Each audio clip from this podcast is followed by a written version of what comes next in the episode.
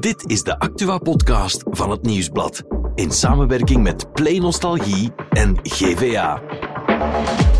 Het is vrijdag 12 januari en de Verenigde Staten en het Verenigd Koninkrijk hebben doelwitten van Houthi-rebellen in Jemen gebombardeerd.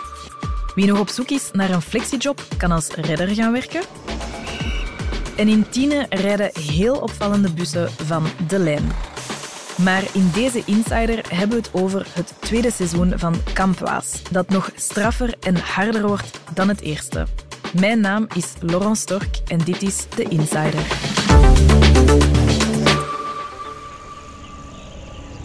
Kamp Waas seizoen 2. Welkom in de hel.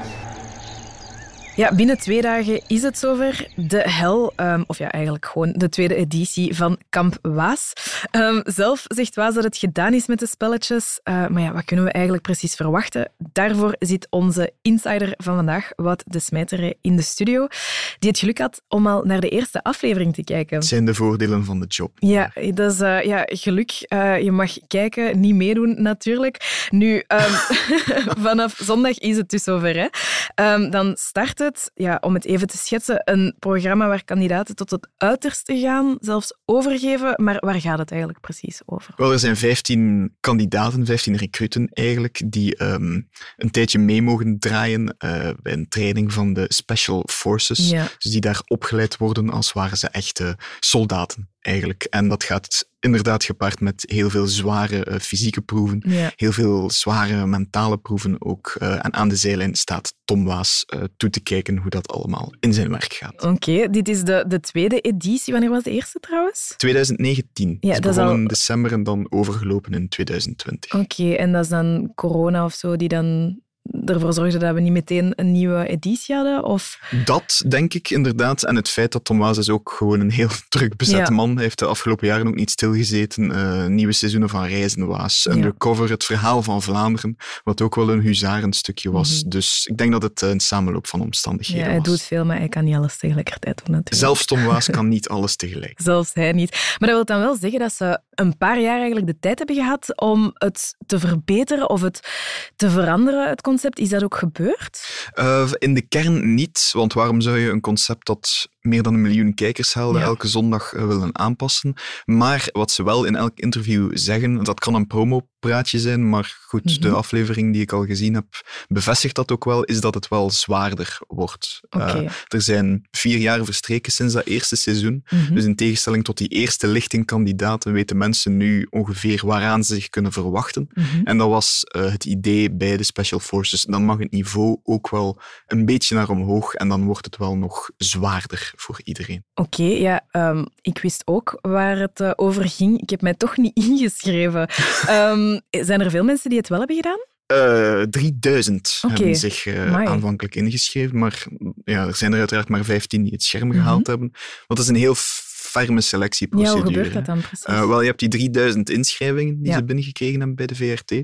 Op basis van die mensen hun fysieke capaciteit, dus die uh, worden dan gescreend door uh, Mhm. Defensie zelf, uh, hebben ze dat teruggebracht naar 200 mensen, ja. waarvan er uh, 50 uh, medische proeven moesten ondergaan. Dus Mhm. die, die zijn dan nog Beetje eens zoals bij de gescreend. CLB op controle gaan. Het, uh, ik denk dat het zoiets is, ja. Oké. Uh, Wauw, memories. Um, uh, en 50 mensen hebben die medische proeven moeten ondergaan. Mhm. Daaruit zijn er door Defensie 30 goedgekeurd. En Ja. uit die 30 heeft de redactie van het programma dan de 15 mogen selecteren op basis van verhaal, reden waarom ze meedoen. Ja. Um, want dat speelt ook mee Ja, natuurlijk. het, is natuurlijk het blijft een programma. Hè. Voilà. Alright, 15 kandidaten dus die zich hebben ingeschreven voor de hel. Um, nu, wat, wie zijn die mensen? Is er een soort van ideale kandidaat? Dat denk ik wel. Ik denk dat de prioriteit is dat je fysiek op en top in orde bent. Ja. Uh, dat je alles uh, sport, dat Mhm. is op zijn minst een vereiste. uh, mentale weerbaarheid is belangrijk Ja. ook natuurlijk, maar ik denk vooral ja, dat fysieke, wat dat die mannen moeten doen, is niet te onderschatten. Ja, ik heb al eens een, een 10 miles gelopen, is dat genoeg? Of... je, je, gaat hem toch een paar jaar achter elkaar moeten en een paar doen. keer per jaar waarschijnlijk. Voilà, en het, met alleen een 10 miles zal je er niet komen. Oké, okay, nu, er zijn er ook wel die uitspringen hè, qua kandidaten. Ja, er zit bijvoorbeeld een broer en een, een zus. Dries en Kaat, en Ja. zo klinken ze. De grootste ambitie dat ik heb is astronaut worden. Mijn broers en mijn zus hebben me wel een beetje gevormd tot wie ik nu ben. Stel me alstublieft niet teleur. Ja, je hoort het, stel me niet teleur. Dat is misschien nog extra druk als je met je broer of je zus moet. Eh, Wel, en ze zijn sowieso al eh, tot het uiterste gemotiveerd. hè. Mhm. Het zijn sowieso de twee kandidaten die we het meest in de gaten moeten houden Ja. dit seizoen. Ehm allee, ik mag natuurlijk nog niet te veel verklappen, maar wat die Dries presteert in de allereerste test, eh, dat is eh, vrij ja. uniek. Hij Ja. doet het eh, zelfs beter dan veel soldaten uit de Special Forces. Ehm, en het is wel het is een heel mooie verhouding die die broer en zus hebben, omdat zij, Kaat dan, doet ook eigenlijk mee omdat ze drie broers heeft. Ja. En die zijn altijd in alles net beter geweest dan zij. En ze doet ook mee om een beetje te zoeken van, ja, wie ben ik als ik niet de zus van ben? Ja. Dus het is in de gaten houden. Het zijn zeer twee boeiende personages. ja, dus ze nemen het dan ook een beetje tegen elkaar op dan. Ja, ja en nee. Het is natuurlijk niet echt een pure wedstrijd, hè. Ja, eh, ja ze kunnen samen finishen eigenlijk. Voilà, absoluut. Dat zou pas mooi zijn. Dat zou, dat zou zeer mooi zijn. Ja. Ik gun het ze eh, absoluut. Oké, ja. Ik zag ook wel, eh, ze zijn jong, hè. ze zijn nog in de twintig. Ja. Heel veel van die kandidaten, zag ik in de Inderdaad. trailer, zijn rond de twintig. Is dat een vereiste, die leeftijd? Ach, Een vereiste niet. Ik denk dat het wel helpt natuurlijk, omdat je dan ja, gewoon insane fitter bent. Ja, top Ehm, van uw conditie natuurlijk. Of eh, zo, of zo. Ik ga nu niet voor mezelf spreken, maar zo zou het toch moeten zijn. Ehm, maar er doet bijvoorbeeld ook iemand van 52 mee, Ja. eh, Jan. Ik zoek de keks. Oké. Dus de slag. De, de adrenaline keks zoeken. Dus Jan is een IT-consultant Mhm. die al eens houdt van eh, een extreme uitdaging, skydiven, muurklimmen, eh, ook al eens in een triathlon gelopen. Oké. Ehm, en die dat wil doen omdat hij zijn eigen lichaam wil blijven uitdagen. Dus Ja. als je in vorm bent, dan, ja, dan kan dat ook natuurlijk wel nog, nog gewoon. Ja, en dit jaar hebben ze ook geluk met een van de kandidaten, namelijk influencer Gudrun. Ik zie dat vooral als een avontuur, denk ik. Gudrun, dat is een psycholoog die gespecialiseerd is in alles rond zelfvertrouwen en Yes. zelfbeeld. En dan beeld ik mij in, die kan iedereen daar gewoon doorsleuren.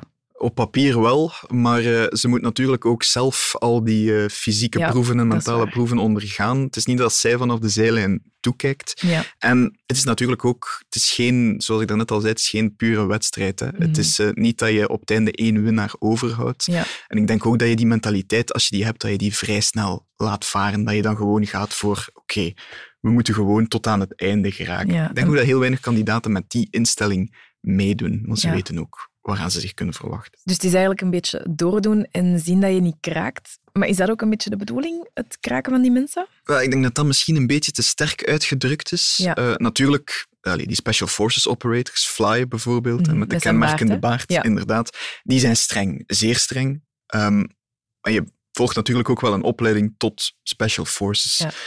Hun eh, uitleg is altijd, wij willen die mensen gewoon in dit geval een, een, een streepje van de werkelijkheid geven en in het echt voorbereiden op wat ze gaan moeten doen. Want Ja. die job op zich, ja, dat is geen lachertje wat die mensen allemaal moeten doen. Oké, Mathieu, one minute.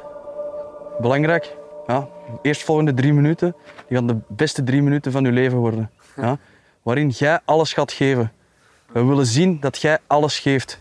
Ik denk niet dat ik bang, bang ben voor iets, nee. Nee, ik kan niet echt op iets komen. Fight.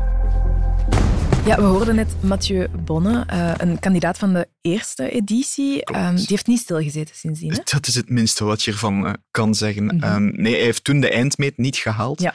maar hij heeft zich wel ontpopt tot een eh, fervent ultrasporter. Was hij daarvoor ook wel al een beetje natuurlijk. Mhm. Ehm, die ja, aan van alles heeft deelgenomen. Recent nog een wereldrecord heeft gebroken Ja, van het zelfs- non-stop open water zwemmen. Ja, zelfs Dus ervoor genomineerd voor een, een Gouden K als, als held. held. Ja, Zie eens daar, dat is toch alles wat je wil in, ja in held het leven. zijn eh, lijkt me cool. Weten we iets over de andere kandidaten van dat eerste seizoen? Hebben die iets ehm, gedaan, hun leven omgegooid, het leger eh binnengegaan? Of... Je, je zou dan misschien verwachten dat de inschrijvingen massaal zijn toegenomen, maar dat bleek uiteindelijk wel nog mee te vallen. Ook omdat heel veel mensen vastliepen op het feit dat je ja, drie, vier jaar in het leger moest gediend hebben vooraleer je überhaupt kans maakt om bij de Special Forces Ja. terecht te komen. Ehm, maar dat is wel aangepast, Mhm. of dat wordt nog aangepast. eh, Ja. Volgende week liever, op, vanaf 15 Ah. januari, kan je je rechtstreeks inschrijven voor de selectieweek van de Special Forces. Dus wie weet, we zullen zien wat het programma dit keer doet.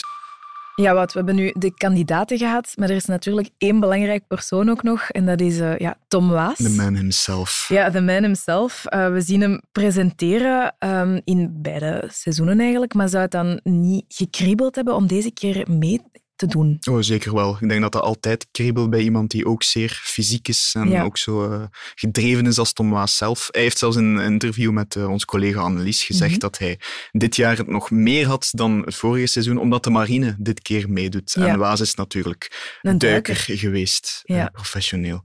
Want hoe is dat dan voor hem? Ja, het kriebelt, je wilt eigenlijk meedoen. Ehm, die staat dan aan de zijlijn te Mhm. supporteren dan? Of... Eh, te supporteren, alhoewel dat hij zelfs daarmee moet opletten, want je ziet in de eerste aflevering, daarmee geef ik nog niet te veel weg, dat hij iemand wil aan de eerste proef beginnen Mhm. en hij roept gewoon, allee, kom aan. En hij wordt meteen op zijn vingers getikt van fly, je mocht, niet, eh, mocht, mocht dat niet doen, je mocht Ja. niet supporteren. Ze moeten zich kunnen concentreren op en jij moet gewoon aan de zijlijn staan en toekijken. Ja. Ehm, maar dat is niet het enige wat hij in heel dat programma doet, Mhm. natuurlijk. Hij is daar wel altijd. Ja. Hij babbelt nadien met die, met die kandidaten. Eh, hij babbelt met Fly over waarom doe je dit, waar, waar gaat dit eigenlijk naartoe. Dus hij, is wel, hij blijft wel altijd aanwezig. Ja. Het is een professional. Het zou ook niet eh, naar Tom Waas zijn om te zeggen mannetjes, ik kom hier mijn voice-overs inspreken en salu en de kost. Ja, en hij is niet alleen bij Camp Waas aanwezig. Gisteren zagen we hem nog in eh, de musical van James Cook, zijn Ja. eigen musical. En daar stopt het niet, hè? Tom Waas is overal. Mhm. Eh, hij was inderdaad ook bij James Musical. Hij zat zelfs in Sergio over de grens ook Ja. deze week op VTM. En het zal het komende jaar inderdaad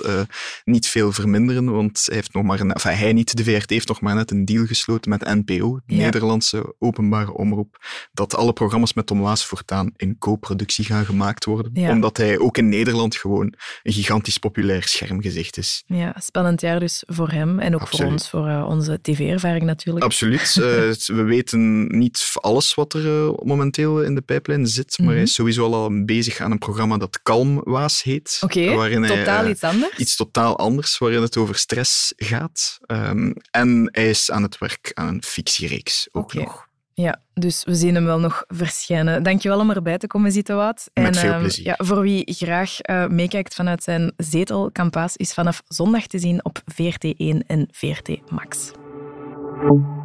Voor het andere nieuws is Nathalie erbij komen zitten. Dag Nathalie. Dag Laurence. Jij hebt eh, buitenlands nieuws bij, hè? Ja, de Verenigde Staten en het Verenigd Koninkrijk hebben doelwitten van Houthi-rebellen in Jemen gebombardeerd. En waarom? Omdat ze het beu zijn dat ze miljarden verliezen omdat de Houthis de Rode Zee blokkeren. Mhm. En daardoor moeten ze met de hele handel via Afrika varen. Helemaal rond. Ja, Miljardenverlies dus. exact. Eh, dat is al maanden. Hè. De Mhm. Houthi-rebellen zijn al maanden de Rode Zee aan het lam leggen omwille van de oorlog in Gaza. En ja. uit wraak voor de militaire campagne van Israël in Gaza. Nu, eigenlijk hebben ze de kant van Gaza gekozen en willen ze daarmee de hele wereld ambeteren in de hoop dat er een reactie komt. Ja, en die reactie nu, kan dat ervoor zorgen dat het escaleert? We hopen van niet. Hè. Alle Mhm. partijen hebben er uiteraard baat bij dat dat niet gebeurt. Maar momenteel lijkt het vooral nog een waarschuwing te zijn. Dan is er eh, iets beter nieuws eh, voor diegenen die nog eh, extra willen gaan werken. Want wie nog op Ja. zoek is naar een flexiejob, die kan als redder werken. Ja, dat is iets helemaal anders. Hè. Ja. Er is veel te doen over flexiejobbers die binnenkort in het onderwijs kunnen starten. Of dat al dan niet een goede zaak is, maar Mhm. daar eh, gaat het hier nu niet over. Wel dat flexiejobbers dus ook je leven kunnen redden. Ja, in het zwembad dan. In het zwembad. Een aanslepend tekort is daar aan redders. En daarom kunnen vanaf nu flexiejobbers ook als redder ingezet worden. Ze moeten uiteraard wel een reddersdiploma hebben. En ik wist trouwens eigenlijk helemaal niet dat redder een knelpuntberoep was. Ja, de lijstje is langer geworden blijkbaar. Amai. Sinds dit jaar. En dan is er ook eh regionieuws en daar gaan we eh, voor naar Tine. Daar gaan we voor de bus nemen zelfs. Mhm. Daar rijden felblauwe en kanariegele bussen van de lijn rond in Tienen en omstreken. Oké, is dat de nieuwe kleur van de lijn? Of, Dat is eh? niet de bedoeling, nee. Maar ze hadden nieuwe bussen nodig na een verwoestende brand.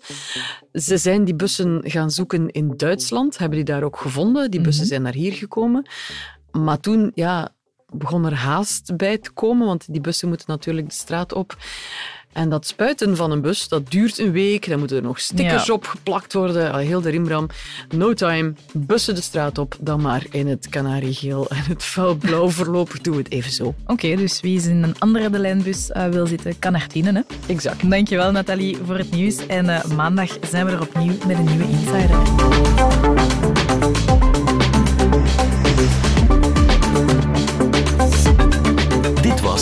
De Insider, een podcast van het Nieuwsblad in samenwerking met Play Nostalgie en GVA. De muziek is van Pieter Santens. De montage gebeurde door House of Media. Wil je reageren? Mail naar podcast.nieuwsblad.be.